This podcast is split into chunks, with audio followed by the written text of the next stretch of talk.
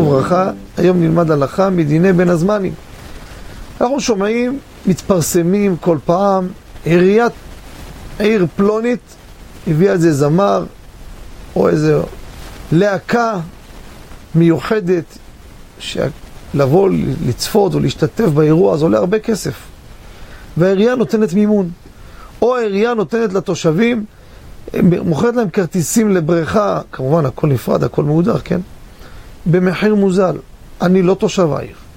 אם אני רשאי לבקש מידיד או קרוב מאותה עיר, לך תקנה גם לי כרטיסים.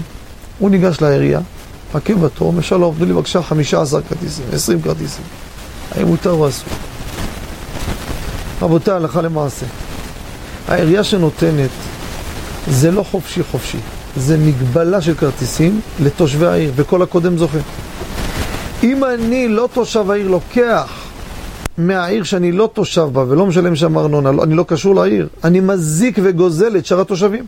כי בסוף יהיו תושבים שלא יספיק להם כרטיסים, כי זה מוגבל. ולכן, אסור לי לרכוש שם כרטיסים מוזלים. גם אם המזכירה אומרת, תיקח, היא רוצה לגמור את החבילה וללכת. זה על חשבון התושבים. היא... מה מקרה החריג שאני אומר שכן אפשר? לדוגמה, נשארו כרטיסים. פרסמו עד יום מסוים, עיר שאין בה הרבה דתיים, עשו משהו לדתיים ונשאר הרבה. אני בא לעירייה ואומר, סליחה, אה, נשארו כרטיסים? כן, תיקח, אתה מציל אותנו, העירייה כבר הוציאה את הכסף על זה. אז פה זה בסדר גמור. או עשתה מופע ומכרה כרטיסים, ויש עוד הרבה מקומות. היא כבר הוציאה את הכסף הגדול. כל מה שתמכור עכשיו היא רק מקטינה את ההוצאות, זה בסדר. אבל אם לא כן, אסור, תשימו לב, גם אם בן העיר אומר, אני לוקח, נותן במקומי לבן דודי. חד משמעית אסור.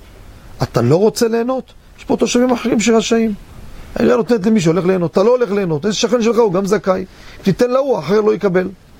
כך נעלה לעניות דעתי, הלכה למעשה. תודה רבה וכל טוב.